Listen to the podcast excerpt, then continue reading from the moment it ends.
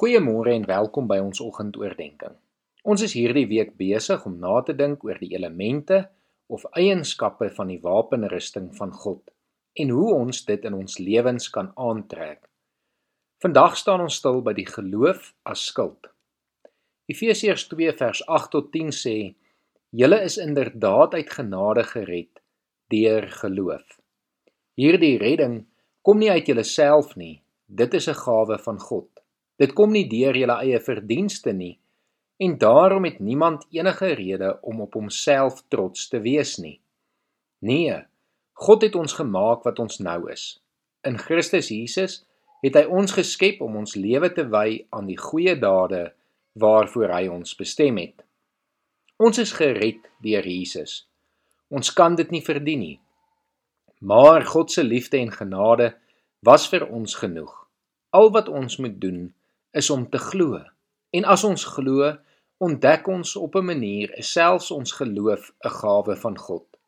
sien want die krag van ons geloof lê nie in ons wat glo nie, maar in wie en wat ons glo.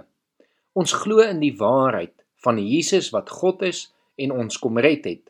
Dit is waarin die krag lê.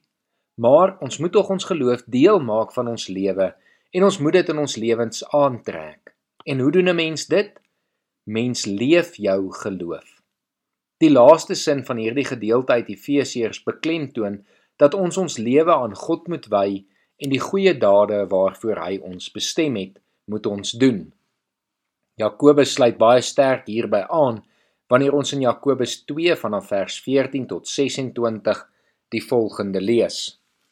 Wat help dit my broers as iemand beweer dat hy glo, maar sy dade bevestig dit nie?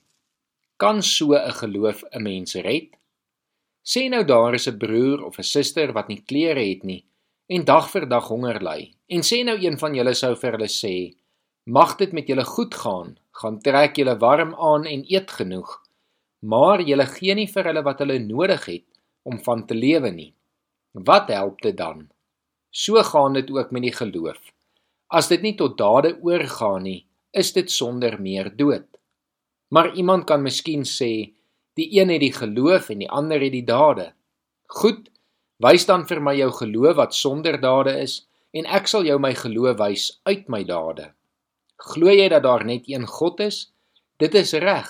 Die booste geeste glo dit ook en hulle sidder van angs. Jou dwaas, wil jy 'n bewys hê dat geloof sonder dade nutteloos is?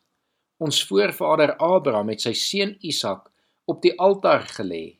Is dit nie op grond van wat hy gedoen het dat God hom vrygespreek het nie? Jy sien dus dat sy geloof met dade gepaard gegaan het en dat dit eers deur dade volkome geword het.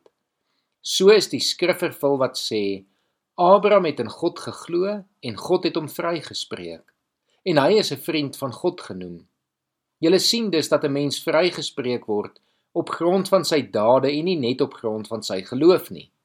Is Rahab die prostituut nie ook vrygespreek op grond van wat sy gedoen het toe sy die verkenners weggesteek en hulle met 'n ander pad laat ontkom het nie?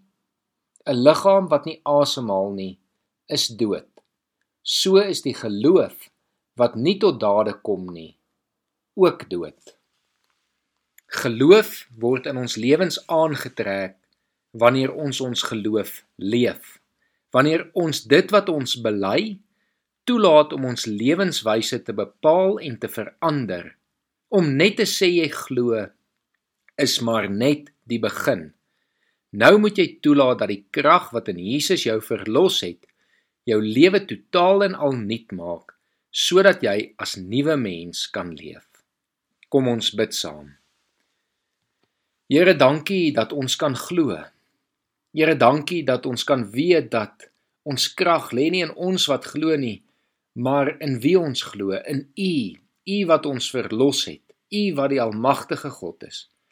Here, in vanoggend kom vra ons dat U ons sal lei deur U Gees om geloof deel van ons lewens te maak op so 'n wyse dat dit nie net iets is wat ons bely nie, maar iets wat ons leef, Here. Dat ons ons geloof in dade tot werklikheid sal laat word en bring. Here, ons vra dat U ons sal help, dat U ons vandag sal lei deur die Gees dat U mense oor ons pad sal stuur om ons te help en dat dit wat ons sal doen, U sal verheerlik. Ons bid dit alles in Jesus se naam alleen. Amen.